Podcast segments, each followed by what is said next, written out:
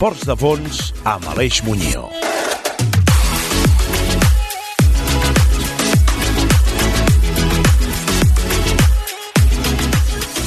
Bon dia, bona tarda, bon migdia, bon vespre o bona nit. Sigui quan sigui que ens esteu escoltant, sigui d'on sigui, des d'on i quan ho feu, benvinguts a 13. Benvinguts al 13 108, el programa dels esports de fons. Aquí és la casa de tots els apassionats i apassionades dels esports de fons. Aquí és la casa de tots aquells i aquelles que no ens fa res passar fred al matí, passar calor al migdia, matinar, per fer allò que més ens agrada o desafiar les hores de son i els àpats, els vespres o els migdies. No, no estem dient que no respecteu els horaris dels àpats i que mai us els salteu, però nosaltres som d'aquells que intentem estirar el temps com un xiclet, per tal d'omplir-lo fent d'allò que més ens agrada. Per l'equip de 13 és vital conèixer, difondre i repassar l'actualitat des del nostre particular punt de vista. Ens agrada mirar enrere i cercar què ha passat al món, què ha passat a prop nostre, conèixer les novetats, analitzar materials, contrastar consells, debatre i comentar tot allò que envolta el món dels esports de fons. Benvinguts a 13. Benvinguts al vostre programa d'Esports de Fons. 13. Els esports de fons a Ràdio Sabadell. A Ràdio Sabadell. Ràdio Sabadell. I què tindrem avui a 13? Boc and roll. Repassem que està en notícia al món del ciclisme i al món de l'atletisme i del trail running. I avui comptarem amb les següents seccions. Tal 13 farà un any. Recordarem el que va passar al món dels esports i al món en general al 2008. A la cara B, viatjarem 120 anys enrere, a Cuba, per descobrir un carter humil que va ser tot un precursor de l'atletisme al seu país, Fèlix de la Caritat Carvajal i Soto, el andarín. A Caçadors de Curses, seguim buscant les curses més dures del planeta. I avui viatgem a Gales, a la Dragon's Back Race, una cursa per etapes amb més de 17.000 metres de desnivell. Omnibus, la secció dels ganyifetes. Avui, Rashid Ramsey, el pulveritzador de rècords i el coet dels doblets del fons i mig fons, que era tot un campió de cera.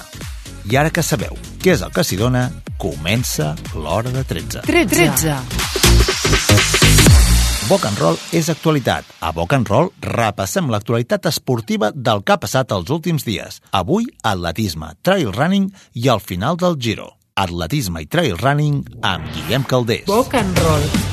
Bones, Aleix oients de 13, ara us porto el millor de la setmana pel que fa a l'atletisme.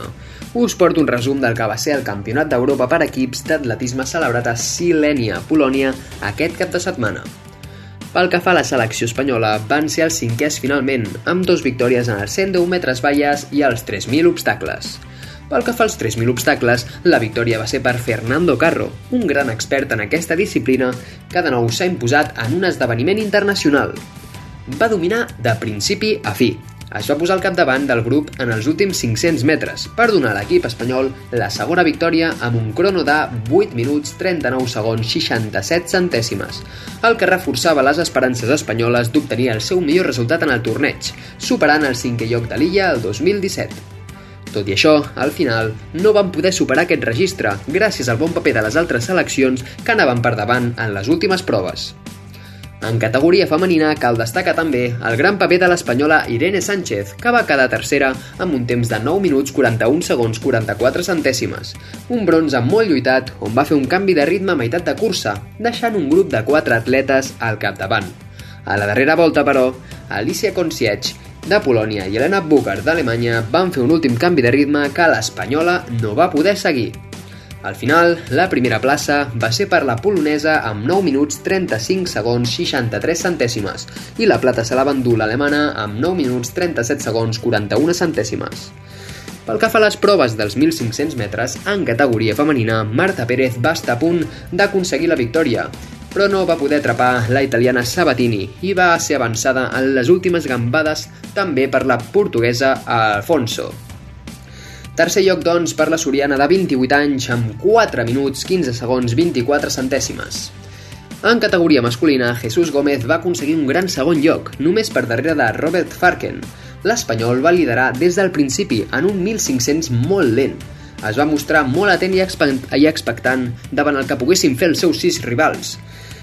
No obstant això, a falta de dues voltes, a causa de l'acceleració de tres atletes, el burgalès es va quedar una mica tancat, enganxat a la corda. Sempre, però, darrere de l'alemany Robert Farken, i es va veure obligat a fer un esforç extra i en l'última volta intentar fer dos avançaments per situar-se en aquesta segona plaça. Al final, Farken va ser primer amb un crono bastant lent, 3 minuts 56 segons 64 centèsimes. Jesús Gómez va ser segon amb 3 minuts 56 segons 79 centèsimes. I la tercera plaça va ser pel polac Mikal Rom Rosmis amb 3 minuts 57 13. Pel que fa als 3.000 metres llisos en categoria masculina, el català Adel Mechal partia com a favorit per endur-se la victòria. Tenia 20 segons menys de millor marca respecte al segon millor corredor, tot i això, un inici de cursa molt lent, tal i com ja ha passat en els 1.500 metres, va sorprendre l'atleta, que va voler agilitzar l'últim quilòmetre i va posar en fila d'un al grup. Els progressius canvis de ritme van fer que l'última volta se li fes llarga, per finalment acabar tercer amb un temps de 8 minuts 32 segons 0,8 centèsimes. Primer va ser el portuguès Nader amb 8 minuts 31 segons 26 centèsimes i segon el francès Schrupp amb 8 minuts 31 segons 82 centèsimes. En categoria femenina, Lucía Rodríguez va fer marca personal 9-14-46 i això li va permetre a Espanya sumar 6 punts, gràcies a la seva segona plaça. En aquest cas, la cursa també va ser lenta, tot i que no tant com en la categoria masculina. Com en... Es va posar primera des del primer moment marcant un bon ritme i en els últims 800 metres la francesa va fer un canvi de ritme que només van poder aguantar 3 atletes. A l'última volta, però, l'espanyola va tornar a posar-se líder i va atacar per intentar endur-se la victòria. Tot i això, als darrers 100 metres, l'anglesa Walcott Nolan la va avançar, arribant finalment amb un temps de 9-13-36. Tercera va ser, finalment, l'alemana Vera Coutelier. 13. Esports de fons amb Aleix Muñoz. Ciclisme amb Adam Goldthorpe. Ilesh, Llorentis de 13. El Giro de Italia se acabó y Igan Banal con la ayuda de los Ineos Grenadiers han ganado. Banal ha sido espectacular en la primera semana, por las últimas semanas su equipo han hecho muchísimo trabajo para defender a Mayor Rosa. Philippe ganó en los planos y luego Castrovecchio y Dani Martín controlando las montañas. Simon Yates se quedó tercero después de algunos intentos, pero él no podía. Quizás la más sorprendente ha sido Damiano Caruso de, Bahrain Victorias. El, italiano que ha hecho 14 tours sin ganar una etapa, han quedado con la segunda plaza y ha ganado uno de los etapas más duros. En caso de Caruso, él pensaba que será el Gregorian de Michelanda, pero como Landa no ha pasado la primera semana, los papeles han cambiado y el italiano muy popular dentro del pelotón ha llevado el segundo premio. El Giro, la primera Gran Tour del año, ha tenido todo, mucha emoción y el más fuerte ha ganado. Felicidades, Igan Bernal. Pero en el ciclismo no paramos y ya estamos pensando en el Tour de France con algunos de los típicos carreras de calentamiento. Nada es más icónico del Cretan de Dafani, una carrera de siete etapas utilizando algunos de los rutas del Tour.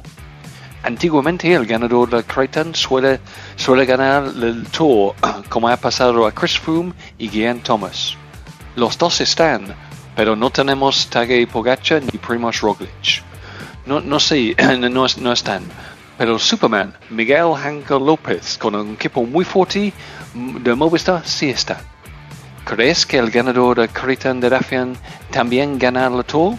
La verdad es no lo sé, pero tenemos que esperar. Hasta la próxima. 13. Els esports de fons a Ràdio Sabadell. 2008. El recordeu? Què va passar al món dels esports? I al món en general? Laia Estreguer ho sap ben bé i ens condueix a un viatge a la memòria no tan llunyana.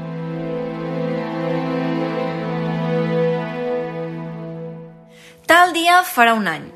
Alguns fets destacats d'aquell 2008 a Catalunya van ser, per exemple, la celebració dels 25 anys d'emissió de la televisió pública de Catalunya, TV3, I d'altra banda, el 28 d'abril, Francesc Argemí Anglada, més conegut com a Franqui, va ser empresonat per a dos anys, set mesos i sis dies acusat d'estripar la bandera espanyola de l'Ajuntament de Terrassa. A més a més, el 21 de maig, la Universitat Oberta de Catalunya, la UOC, va publicar l'estudi Llengua i Identitat a Catalunya, que reflecteix que entre un 52% i un 62% dels catalans votarien a favor del referèndum d'independència de Catalunya. I el 22 de maig, la Cambra de Comerç de Barcelona va anunciar que Catalunya i el País Valencià aportaven el 28,5% del PIB espanyol i rebien només el 23% d'inversions. El 15 d'abril, per primera vegada, el govern espanyol va publicar les balances fiscals, que demostraven que les Illes Balears, Catalunya, el País Valencià i Madrid eren els territoris d'Espanya amb més dèficit. I aquell 19 de setembre es va estrenar Vicky Cristina Barcelona, la pel·lícula de Woody Allen rodada l'estiu del 2007 a Barcelona. I en aquest cas a Terrassa, el 16 de novembre, els minyons d'aquesta vila, els minyons de Terrassa, van carregar el primer 3 de 9 en folre i l'agulla de la història – i el 14 de desembre la Marató de TV3 es va, es va celebrar contra les malalties mentals greus, que va recaptar més de 5 milions d'euros.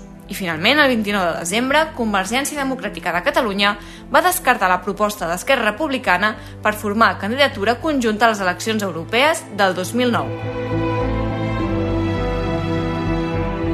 I a la resta del món d'aquell 2008, L'1 de gener, Xipre i Malta, entre altres països, van adoptar l'euro com a moneda oficial. El 2 de gener, el preu del petroli va trencar per primera vegada el sostre dels 100 dòlars per barril. I el 24 de febrer, Raúl Castro va ser escollit nou president de Cuba per l'Assemblea Nacional, després de la renúncia de Fidel Castro.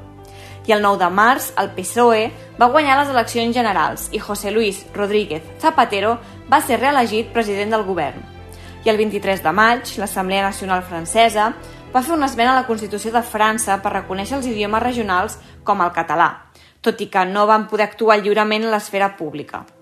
Del 7 al 29 de juny, la selecció espanyola de futbol va guanyar l'Eurocopa, celebrada a Àustria i Suïssa. I el 22 de setembre, ETA va fer esclatar una bomba a Cantàbria i va matar Luis Conde, un brigadista de l'exèrcit espanyol. El 4 de novembre, Barack Obama, del Partit Demòcrata, va guanyar les eleccions presidencials als Estats Units i es va convertir en el primer president afroamericà del país. I el 26 de novembre, diversos atemptats islamistes a la Índia durant tres dies van causar 166 víctimes i desenes de ferits. I en el món dels esports d'aquell 2008, el Tour de França, que es va celebrar del 5 al 27 de juliol, eh, va quedar en primera posició l'espanyol Carlos Sastre, pel que fa al Giro, que es va celebrar del 10 de maig a l'1 de juny, el guanyador va ser Alberto Contador. Aquest triomf d'Alberto Contador es va convertir en el segon espanyol en guanyar el Giro d'Itàlia, després que Miguel Indurain ho aconseguís en les edicions de 1992 i 1993. D'altra banda, a la Vuelta va quedar en primera posició també l'espanyol Alberto Contador. I pel que fa al Campionat del Món de Ciclisme en ruta, que es va celebrar a Itàlia, va ser el Alessandro Ballan qui va quedar en primera posició. D'altra banda, el Campionat del Món de Triatló, celebrat a Vancouver, en la categoria masculina va quedar en primera posició Javier Gómez Noya i en la categoria femenina Helena Tucker. I finalment, en el ciclocross, en la categoria masculina va quedar en primera posició Lars Boom i a la categoria femenina Hanka Cooper-Fanger. 13. Esports de fons amb Aleix Muñoz. Existeix el Museu de Cera, però avui, a la secció dels esportistes ganyifetes, parlarem dels campions de cera.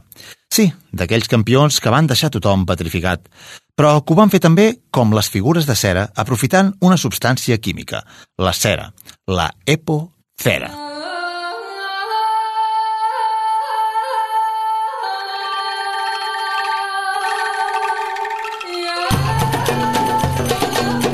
Rashid Ramzi va néixer el 17 de juliol de 1980 a Safí, al Marroc, una ciutat situada a l'oest del Marroc, a l'oceà Atlàntic. Té una població de 350.000 habitants. La ciutat va estar sota el protectorat de l'imperi portuguès de 1488 a 1541. Va ser el centre de la indústria tèxtil del país i es va convertir en la fortalesa de la corona portuguesa al 1508. Safi és el principal port pesquer de la indústria de la sardina del país i també exporta fosfats, tèxtils i ceràmica. Durant la Segona Guerra Mundial, Safí va ser un dels llocs de desembarcament de l'Operació Torch. El 1942, com a part de l'Operació Torch, les forces nord-americanes van atacar la ciutat de Safí i se'l van endur relativament ràpid i amb relativament poques baixes en comparació amb les altres operacions a Casablanca i a Puerto Media. Però tornem, tornem al protagonista d'avui. Va competir originàriament pel seu Marroc natal. El corredor de 1500, Rashid Ramzi, de cames fines i perfil afilat, sempre va viure ocult per l'ombra del seu compatriota Isham Al-Gerrouj, el gran dominador del fons mundial. Massa poc per ell. Un oficial de l'exèrcit. Cansat i temptat pels diners fàcils, Ramzi va deixar de dir-se Rashid Jula i va acceptar una oferta de nacionalització de Bahrein i va obtenir la nacionalitat de Bahrein el 2002. Se li va oferir una feina a l'exèrcit de Bahrein, on podia entrenar a condició que corrés per l'estat del Golf. Després d'èxits menors, campió dels Jocs Asiàtics el 2002, campió asiàtic el 2003, el seu humans va arribar al 2004, quedant subcampió al Campionat Mundial Indoor. No va aconseguir classificar-se per la final olímpica caient a la seva semifinal, però va tornar al Campionat del Món el 2005, convertint-se en el primer atleta, masculí o femení, a guanyar el doble de 800 i 1.500 a un Mundial. Després de lesions, no va poder defensar els seus títols el 2007. Va quedar segon als 1.500. Els Jocs de Pequín va, ten va obtenir la mínima per als 1.500 i els 5.000. Els 1.500, en un tancat sprint, va derrotar a Svel Kiprop per guanyar la primera medalla olímpica per al seu país adoptiu. Però, a l'abril de l'any 2009, en unes mostres d'orina, es va anunciar que s'havien trobat rastres de cera. I no és que, no és que fes espelmes, ni que fes, ni que tingués cap habilitat eh, amb, amb una pràctica de les abelles. Era una substància semblant a l'EPO. Ramsey va negar els càrrecs, però la seva mostra B va confirmar les troballes i el novembre del 2009 se li va retirar el títol olímpic. El cert, però, és que Ramsey complia els requisits que els manuals s'adjudiquen als presumptes dopats. S'entrenava en llocs estranys i aïllats, en ple desert marroquí, si s'escau, cosa que com podeu imaginar, no seria molt aconsellable per les condicions que s'hi donen. No es deixava veure pel circuit internacional i apareixia de cop per emportar-se el títol mundial o olímpic mentre els altres atletes el miraven amb cares que barrejaven sorpresa i una miqueta de, de, de cabreig, per dir enfadamenta. La victòria als 1.500 metres dels Jocs Olímpics del Baraní, nascut al Marroc, era un atemptat contra l'esport, però va caldre combregar amb rodes de molí en forma de medalles d'or. Tothom sabia dels seus tripijocs i que tenia amistats perillosament properes a l'EPO. A l'abril del 2009, la revisió de 847 mostres de sang dels Jocs de Pequín per part del COI va acabar amb la captura d'un peix gros, Rashid Ramzi, campió de 1.500, 3.32.95, per davant del canià Kiprop, el neozelandès Willis i el francès Bala. Es va dopar amb EPO Cera, la tercera generació d'aquesta substància que augmenta el nivell de globus vermells, millorant la resistència. De fet, una molècula indetectable fins que el laboratori de París va obtenir el patró de l'empresa Roche, amb la qual va desenmascarar el Tour, a Ricó, a Piepoli, a Kohl i Stefan Schumacher, també enxampat a Pequín. El marroquí de 28 anys, que corria per Bahrein, havia aconseguit el doblet històric de 800 i 1.500 al Mundial de Helsinki 2005. Ramsey tenia una progressió més que estratosfèrica. Diem-li d'un altre planeta. Diem-li que no podia ser d'un ésser humà. Ramsey no es presentava als mítings atlètics europeus per tal d'eludir controls i que no l'enxampessin. Ramsey, doble campió mundial amb 800 i 1.500 metres a Helsinki i plata als 1.500 a Osaka 2007, estava en el punt de mira de la Federació Internacional d'Atletisme des de feia anys. Com hem dit, tenia la nacionalitat de Bahrein des del 2002. Alternava els dies de residència obligatòria al seu país d'adopció amb el tractament de les seves lesions a Espanya i els entrenaments a l'Atlas marroquí, on passava la major del seu temps a les ordres d'Abrahim Boulami, exatleta, explusmasquista dels 3.000 metres obstacles i també trampós. El 2002 va donar positiu per EPO. Els seus rivals també sospitaven d'ell perquè només apareixien als grans campionats. Deien, era molt estrany que Ramsey, que hauria de cobrar molt en els mítings com a campió olímpic, no competís amb prou feines després dels Jocs. Li sobraven els diners o s'amagava? El COI, emparat per una norma de l'Agència Mundial Antidopatge que permet congelar les mostres 8 anys, va decidir portar 948 mostres al laboratori de Lausanne, 101 d'orines per buscar insulina, i 7 d'elles van ser positives per EPO-Cera, la EPO de tercera generació. Tots ells, tots els detectats, van ser els denominats campions de cera. Ramsey, David Rebellín, plata en ciclisme, l'alemany Stefan Schumacher, 13 a la crono de ciclisme, la marxadora grega Anna Atanàsia Soulameca, hora Atenes 2004 amb 20 km i novena Pequín, la croata de 800 Banja Perisic, eliminada a la primera ronda, i la d'alterofília dominicana Judelkis Contreras, cinquena amb menys 53 quilos. Ja ho sabeu, si voleu provar amb la cera, el més fàcil és que quan sangueu una espelma, mireu què passa quan bufeu. Però si us la jugueu, és molt probable us enganxin. Ai, rams i rams.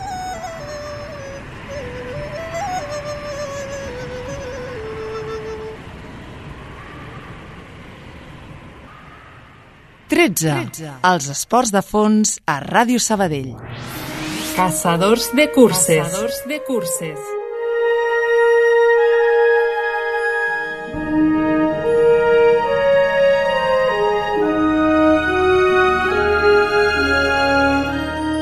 Dragon's Back Race, a Wales. De punta a punta, seguint la seva serralada, es valora en un 9 sobre 10 de duresa, una cursa extrema de les del grup de les 100 milles, a Gales, sense marcatge, ni una traça, amb boira, amb mal temps. Suggerent, oi? Avui la coneixerem més a fons. Sis dies, des del castell de Conwy fins al castell de Cardiff. Un legendari viatge en diverses etapes. Per la columna vertebral de Gales. Aquesta és la cursa de muntanya denominada i considerada més dura del món. 380 quilòmetres. La distància mitjana diària és de 63 quilòmetres, és a dir, més d'una marató i mitja per jornal. El desnivell, 17.400 metres, el gairebé el doble de l'altura del cim més alt de la Terra, l'Everest. Avui, a Caçadors de Curses, la carrera sense camí, la Dragon's Back Race.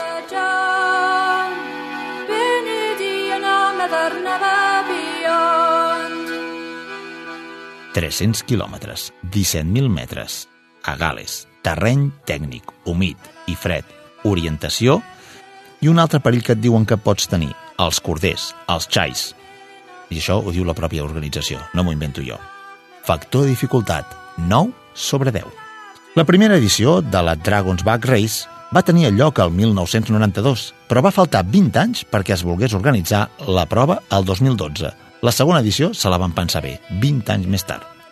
Un corredor, un corredor veterà va dir que qualsevol dia a la Dragon's Back Race és més difícil que qualsevol de les altres proves de 100 milles que havia fet abans. De fet, es fa en un terreny sense marcar. Els competidors tenen que travessar a línia recta un dels terrenys més inhòspits de Wales, de Wales, de Gales, moltes vegades amb una visibilitat mínima, boira, boira i més boira. La cursa Dragon's Back Race, en galès Rastefn i Drake, perdoneu galesos perquè sé pronunciar-lo just, és una cursa de diversos dies que travessa muntanyes des del nord de Gales fins al sud de Gales. El nom fa referència al, al llegendari drac galès. I us preguntareu, quina és la història del drac galès?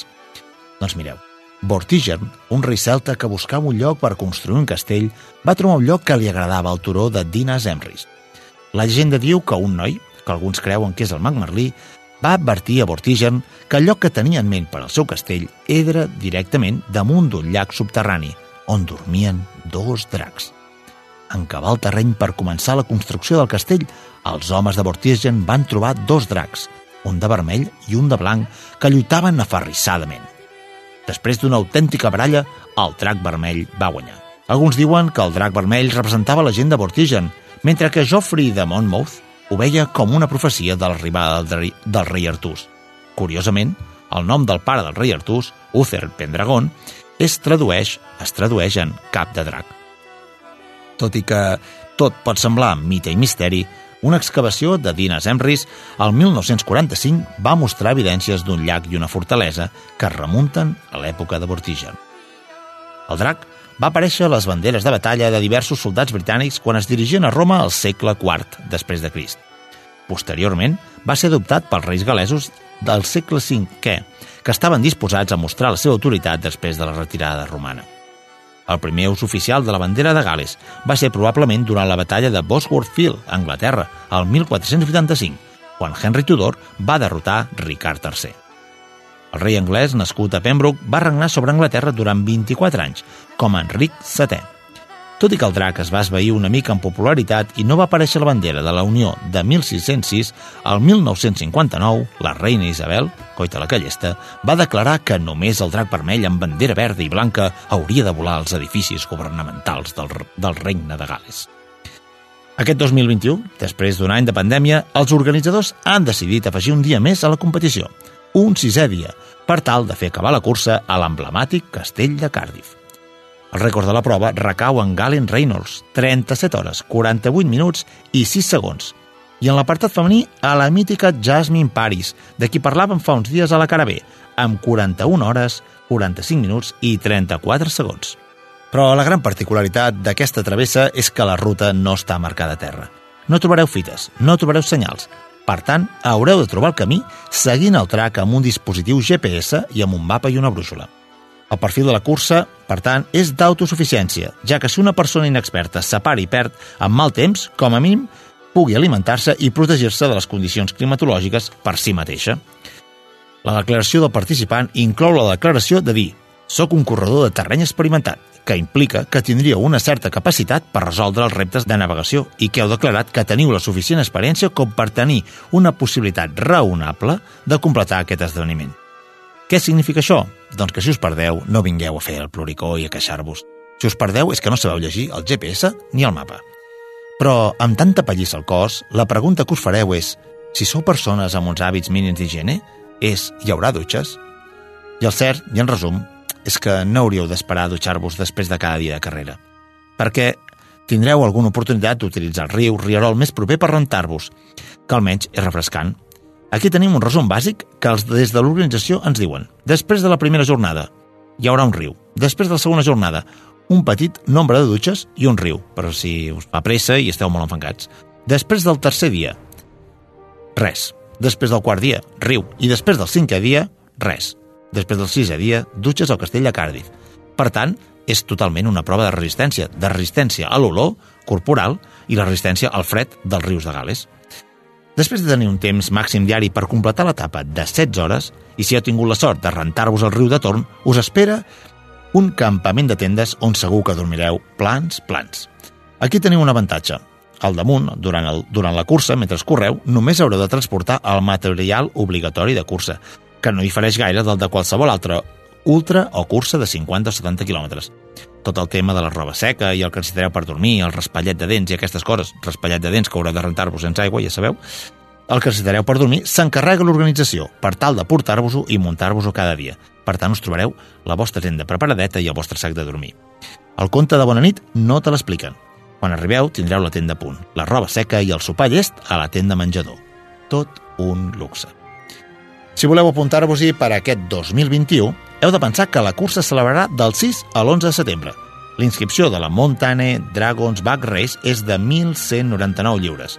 I direu, quants euros són això? Eh? Quants euros, eh? Bàsicament, 1.395,43 euros. Els 43 cèntims sembla una tonteria, però segur que hi ha algun peatge d'aquests que aixecaran que seran 43 cèntims. Però clar, ho sabem, un català fet d'arrel, com vosaltres, no pot permetre's estar tan lluny de la nostrada terra un 11 de setembre.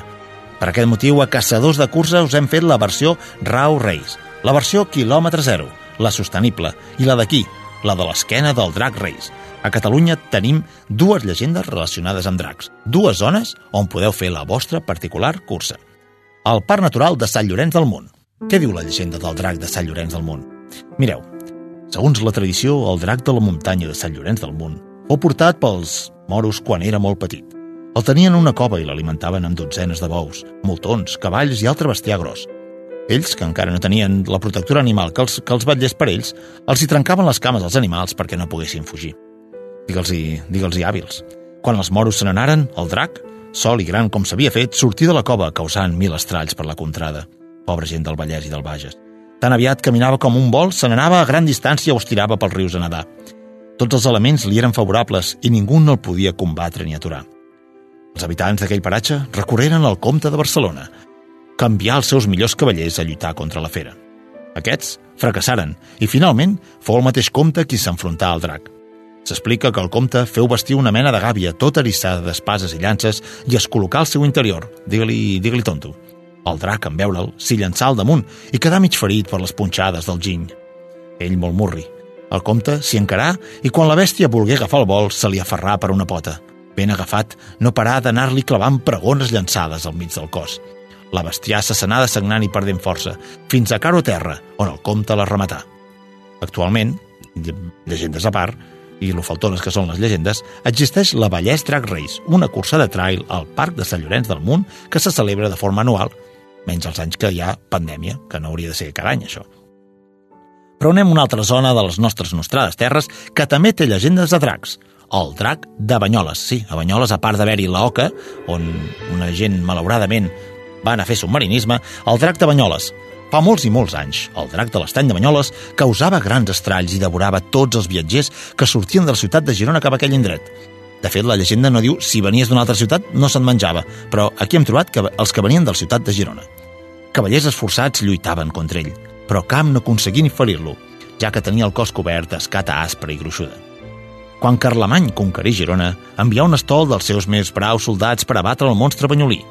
Aquests s'hi veieren impotents, retornaren a la ciutat i confessaren al gran rei la seva impotència per lluitar contra fera tan gran. Aleshores, el mateix Carlemany en persona, revestit de totes les seves armes, anà a encarar-se amb la bestiassa, però tot i el seu gran coratge no obtingué millor èxit que els seus cavallers, enviats primerament. Finalment, el drac fou derrotat per un sant home, hom diu que Sant Ameri, que després d'oracions, dejunis i penitències es presentà a la fera, que a la seva vista s'amanyegà fins al punt de deixar acostar-se al sant, que el tocà amb les mans, la lligà i la conduí com un anyell manyac cap als soldats, que aleshores la mataren fàcilment. I en aquí, amics meus, és quan podeu veure que és una llegenda una miqueta cruel. El senyor Sant Ameri va, va aprofitar la seva cara de, de pobre home per amanyegar la bèstia i quan la bèstia es va acostar amb ell, ell la va agafar i la va portar a matar agafada a la corda. No em direu que això no és cruel, però bueno, la llegenda és la llegenda. Certament, Banyoles actualment és un paradís de curses de ciclisme, de triatlons, de mitges maratons i sense cap mena de dubte un paradís per fer-hi esport. Fins i tot per anar-hi en barca. Submarinisme una miqueta més just. Volem acomiadar-nos, però, fent-vos un suggeriment, perquè les paraules són molt boniques, però quan hi afegim imatges, tot agafa una altra dimensió. Riding the Dragon, un film del 2017 que ha participat i guanyat diversos certàmens de cinema de muntanya, precisament al voltant de la cursa de la que us parlem. Riding the Dragon segueix l'intent de Hugh Jack Brassington de combatar la cursa de muntanya de 5 dies més dura del món. Quan van fer la pel·lícula ja us he dit que eren 5 dies, ara ja l'han passat a 6. The Dragon's Back Race. Seguirem el seu viatge inspirador i experimentarem els seus màxims i mínims mentre intenta córrer 315 quilòmetres per la muntanya de Gales. Aconseguirà córrer 5 ultramaratons en 5 dies sense haver-ho provat mai? Voleu veure-ho? Podeu veure-ho a Amazon Prime. Doncs ja sabeu, mateu la fera que teniu dins, mireu a l'Amazon Prime i decidiu si voleu fer la cursa Rau Race o la voleu fer anar a Buenos Aires. Vosaltres mateixos. Des de caçadors de curses sempre optarem per les proves més quilòmetre zero.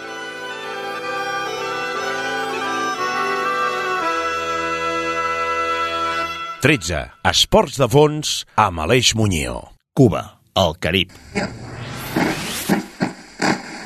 Curioso destino que aún me separa, curioso destino que aún me separa de mi tierra dorada que no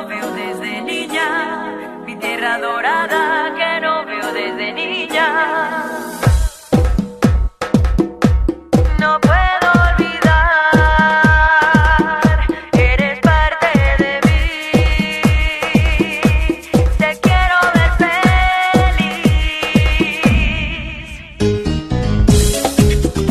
Te imaginem com un lloc idíl·lic, però posem-hi una gran sac de segell de cartes i viatgem a finals del segle XIX.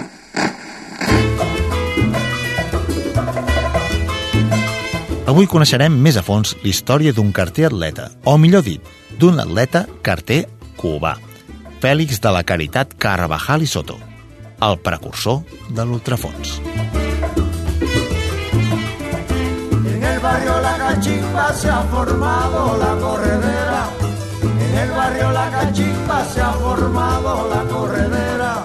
En Fèlix de la Caritat Carvajal i Soto va néixer el 18 de març de 1875 en un vetust edifici situat a la cantonada del Malecón, a la costa nord de l'Havana, amb el carrer Àguila, al barri de Colom, avui pertanyent al capital municipi de Centre Havana, a poques quadres a l'oest de l'Havana Vella. Es va traslladar molt petit amb la seva família a la vida de San Antonio dels Baños, a 35 quilòmetres al sud-oest de l'Havana. De fet, exercia de carter ocasional per Nadal, festius i vacances, i li agradava molt caminar. Feia d'home anunci, portant rètols i cartells en el seu cos anunciant productes. Va lluitar per la independència de Cuba i aprofitava les seves habilitats al córrer per portar informes, fins i tot travessant les línies del front. Fèlix li agradava córrer. I no només li agradava córrer, sinó que més hi tenia traça. A l'acabar la guerra li van donar una plaça de carter, amb sabates, uniforme i xiulet. Estava tan content que no caminava, sinó que corria repartint cartes i continuava corrent després de la feina pels diferents llocs de l'Havana, bufant constantment el seu xiulet de carter, rebent salutacions, aplaudiments i fent amistats. Quin noi, tu! La seva primera victòria de corredor la va aconseguir a l'acceptar el repte del maratonista espanyol Mariano Bierza, que anava de poble en poble venint la seva inagualable resistència.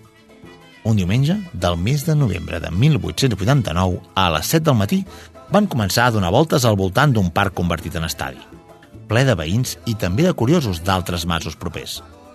Al voltant de les 5 de la tarda, l'Espanyol va quedar esgotat i va abandonar la prova. Me'n portaven 10 hores corrent. Però Carvajal el va rematar el va desafiar corrent dues hores més, és a dir, se'n va passar 12 hores corrent. L'alegria dels seus veïns i amics va ser intensa. El van passejar a coll pels carrers i va ser tanta l'emoció i la felicitat que se li van aigualir els ulls. Era un corredor de fons i tenia qualitats i un home de sentiments. Al anunciar-se l'Olimpiada de Sant Lluís, els seus amics el van animar a participar-hi i ell va veure en això l'oportunitat de la seva vida. Va demanar suport al govern d'Estrada Palma, però no li van fer cas. Va acudir llavors al poble i en els parcs de les barriades va mostrar la seva resistència i velocitat d'andarín.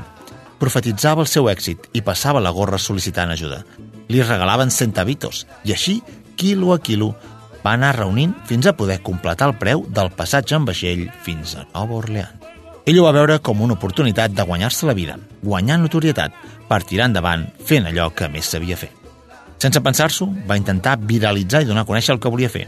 En aquell moment, amb la única manera de fer-ho, recorria els carrers i parts de la ciutat de l'Havana amb una samarreta en què demanar diners perquè un atleta cubà pogués anar als Jocs.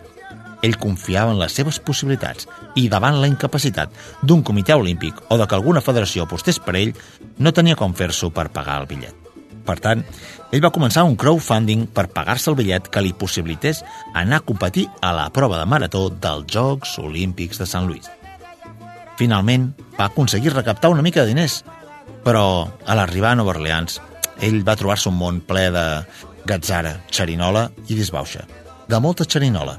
Un món ple de diversions que la seva Cuba, nat Cuba natal no tenia. Les diversions, els estafadors, les dames, aviat el van deixar sense diners i va haver d'afrontar la resta del viatge a peu, des de Nova Orleans fins a Sant Lluís. I no creieu que estaven al costat una població de l'altra estaven a 1.090 quilòmetres.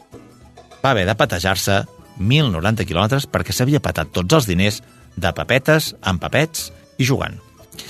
Esgotat, desnodrit i amb les seves pesades sabates de carter, els pantalons i la camisa retallats perquè semblessin un vestit esportiu i suportant l'ironia d'alguns burletes, es va presentar a la taula d'inscripcions.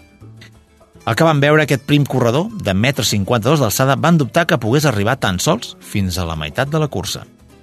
A les dues de la tarda d'un 30 d'agost de 1904 va sonar el tret que va iniciar la marató. Sí, sí, ho heu sentit bé. Un 30 d'agost, a les 3 de la tarda, vés a córrer una marató.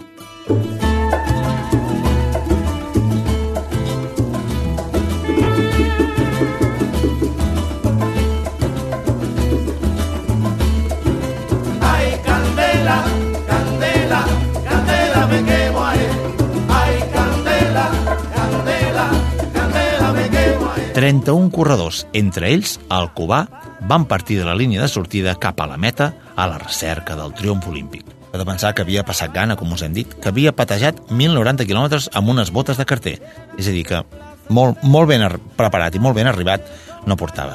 Mentre corria per camins polsosos i desconeguts, l'Andarín Carvajal, és així com ja li havien posat el sobrenom, Andarín, recordava com si fos una pel·lícula o un somni l'humil casa d'Àguila i Sant Llàtzer on va néixer el 18 de març de 1875 i la seva infància a Sant Antonio dels Baños.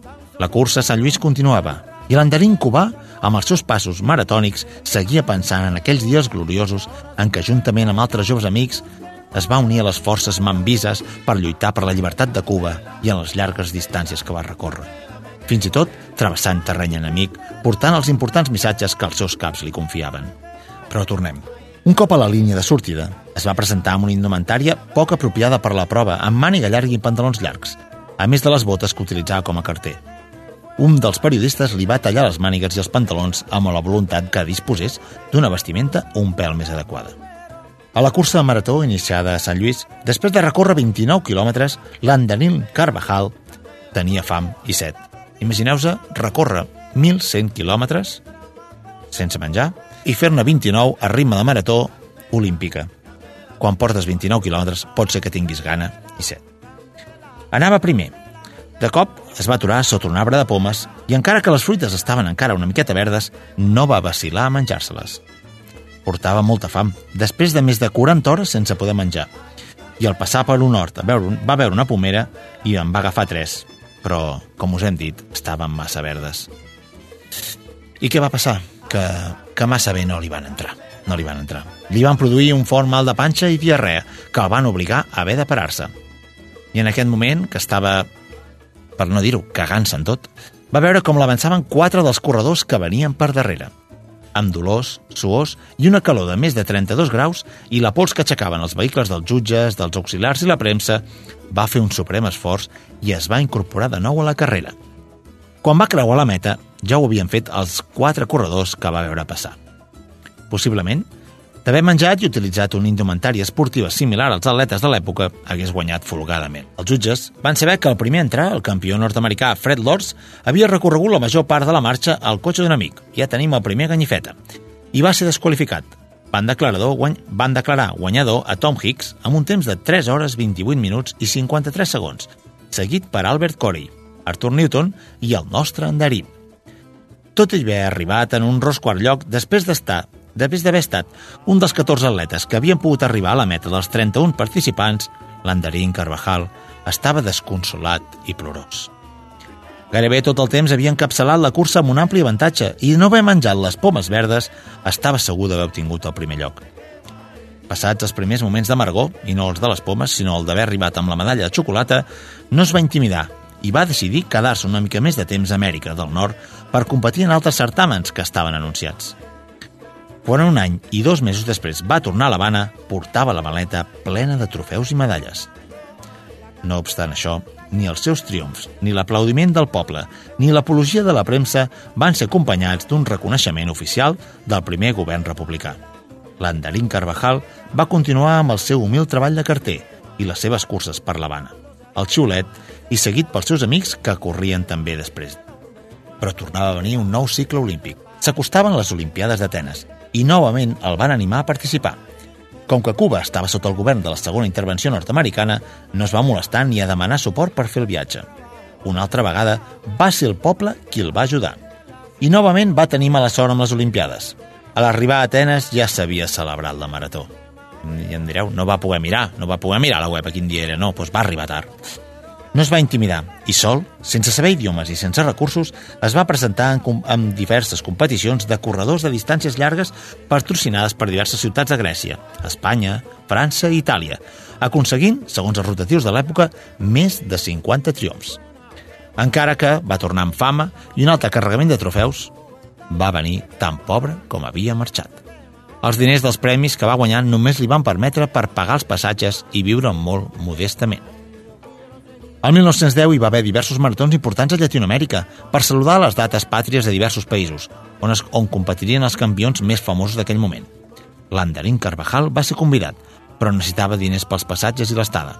El 14 d'abril, després de nombroses gestions, va poder entrevistar-se amb el president de la República, de la República General, José Miguel Gómez. El mandatari el va rebre al seu despatx amb el seu vestit de drill 100, el rellotge amb leontina d'or, anell coronat de brillants i l'invisible però creixent enriquiment que li donaven els negocis protegits pel seu càrrec. L'Andarín li va demanar una petita ajuda per representar Cuba en aquestes competicions esportives de caràcter patriòtic i americanista. El governant li va dir que no tenia per això. Quan l'atleta va sortir del Palau dels Capita de la Capitania General, estava convençut que cap polític astre anava a protegir-lo, ni promocionar-lo, ni promocionar cap esport, perquè no els produïa cap utilitat i es va proposar organitzar els seus propis maratons, sense ajudes. Va començar convidant els caminadors famosos que visitaven l'Havana a córrer un bon tros de la ciutat, al voltant d'una illa o pel malecón, sempre amb el seu xiulet i sempre vencedor. El 1928, els diaris van publicar alguna cosa insòlita. L'Anterín va córrer al voltant de la, de la illa de Gómez durant sis dies, amb les seves nits, nodrint-se únicament del suc de taronges. Imagineu-vos, eh? Donar voltes a una illa de cases durant sis dies només bevent suc de taronja. I això sí que és ser vegano, eh? Els reporters van comprovar que havia donat un total de 4.375 voltes. Enrieu-vos en els hàmsters. El primer de gener de 1930 va iniciar una altra impressionant proesa – recorre els 1.139 quilòmetres de longitud que mesurava la carretera central des de Pineda del Río fins a Santiago de Cuba. No content amb això, i no, i no es deia Forrest Gump, va fer la tornada a peu i, a més, li va agregar un altre tram d'anada i tornada de Pineda del Río a Guane. El 23 de setembre acabava la seva marató amb més de 2.300 quilòmetres. Casualment, el president de la República, Gerardo Machado, i el secretari d'Obres de Públiques, Carlos Miguel de Gespes, estaven arribant a Camagüey, supervisant les obres de la carretera, quan van veure l'andarín corrent de tornada a l'Havana. Van conversar amb ell, i Carlos Miguel va demanar a la seva ordenança que busqués els fotògrafs de premsa, que venien a la comitiva per fer una fotografia de president amb el corredor. Malauradament, un accident havia deixat els periodistes enrere. L'andarín va continuar el seu camí i va trobar els reporters gràfics una hora més tard. De seguida, va reconèixer el seu amic Rafael de Santa Coloma, que li va publicar la seva foto per primera vegada a Cuba, i el cap de fotografia de l'Heraldo de Cuba. L'acompanyaven Fernando Lezcano, de la revista Carteles, Panchito Pérez, del País, i Fernando Fernández, del Mundo. Santa Coloma manejava el seu propi automòbil, automòbil el que deia la Estrellita, formant part de la caravana presidencial. Després de creuar el riu de les Llagües, el carro que anava davant seu va frenar de sobte i el fotògraf, per evitar el xoc, va fungir ràpid caient la cuneta. Per fortuna no hi va haver ferits, però la maniobra li va costar el trencament de la barra de direcció. Els quatre amics esperaven allà els mecànics amb la peça salvadora. Van estar una estona amb l'Andarín Carvajal compartint refrescos, cafè i alguns entrepans que els reporters gràfics portaven per al viatge. Això segur que li va anar molt bé a l'Andarín. Una estona després, el corredor continuà la seva marxa sense cap, sense els fotògrafs, que cap d'ells se li acudís fer-li una fotografia d'aquell inigualable personatge corrent per la carretera més llarga de Cuba. Tot i les moltes proeses atlètiques de conquerir més de 55 trofeus internacionals, l'Andarín va haver de guanyar-se la vida com va poder. Algunes vegades corrent com a part dels espectacles carnestoltes, altres d'home anunci, exhibint cartells cridaners que penjant de les seves espatlles. Mai va deixar de córrer amb el seu xiulet d'auxili en els antics barris on ell sempre havia admirat, estimat i recolzat. La solidaritat d'aquelles famílies humils el van ajudar en tot moment – els primers dies de 1949, amb 73 anys d'edat, malalt, amb el malestar d'una hèrnia, va fer la seva última i heroica exhibició maratoniana al voltant de l'Havana, juntament amb el corredor argentí, argentí Guerrero. Van acabar a l'estadi de l'Havana, donant unes voltes pel terreny, una, una mica abans de començar el joc de pilota. El públic, posat d'en peus, el va ovacionar durant diversos minuts.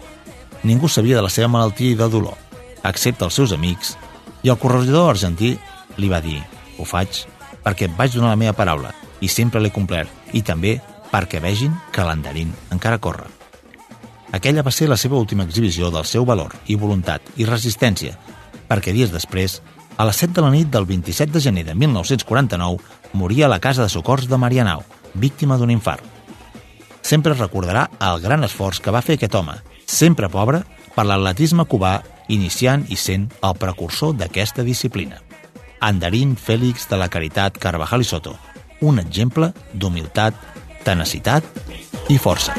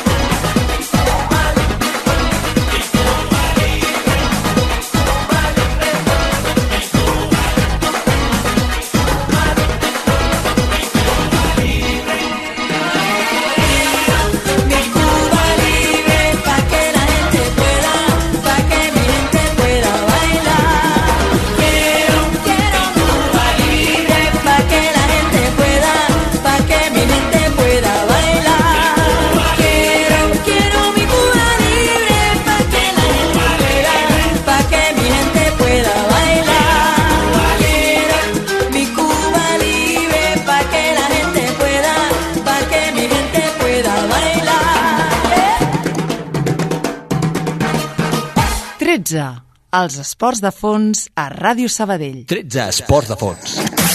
No saps què escoltar quan surts a entrenar? Necessites activar-te amb la música de Spotify? 13. Esports de fons, la playlist. 13. Esports de fons, el teu buscador de Spotify. Tots els estils, la música més actual i la de tota, la, la, de tota la vida. Segueix-nos a una playlist que actualitzem cada setmana, la música més motivadora i activa per al teu entrenament. Segueix a Spotify la llista de 13.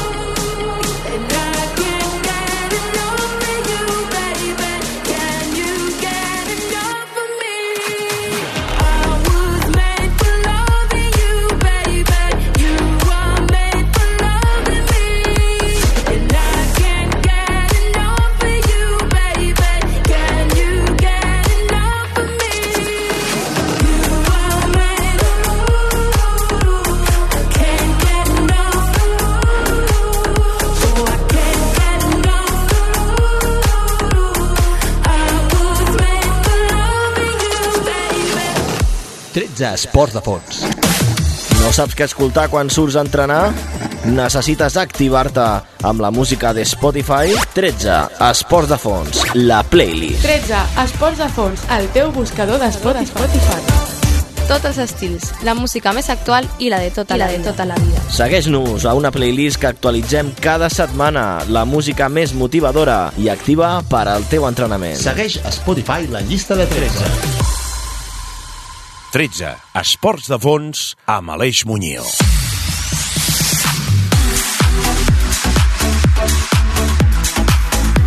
I 108 hores després finiquitem un nou 13.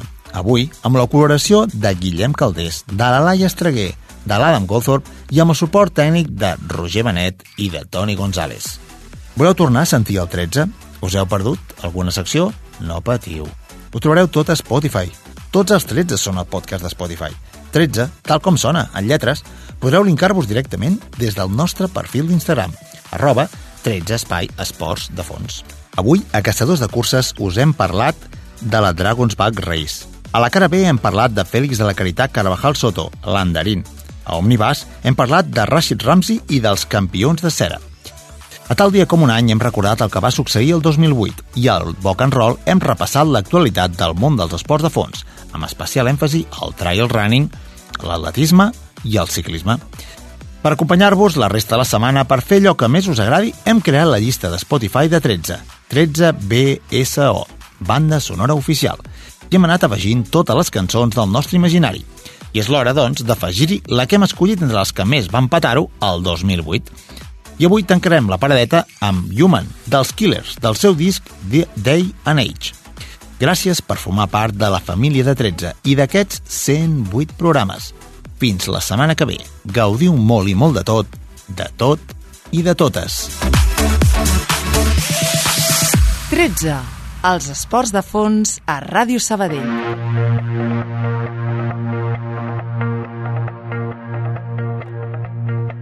I did my best to notice when the call came down the line up to the platform of surrender.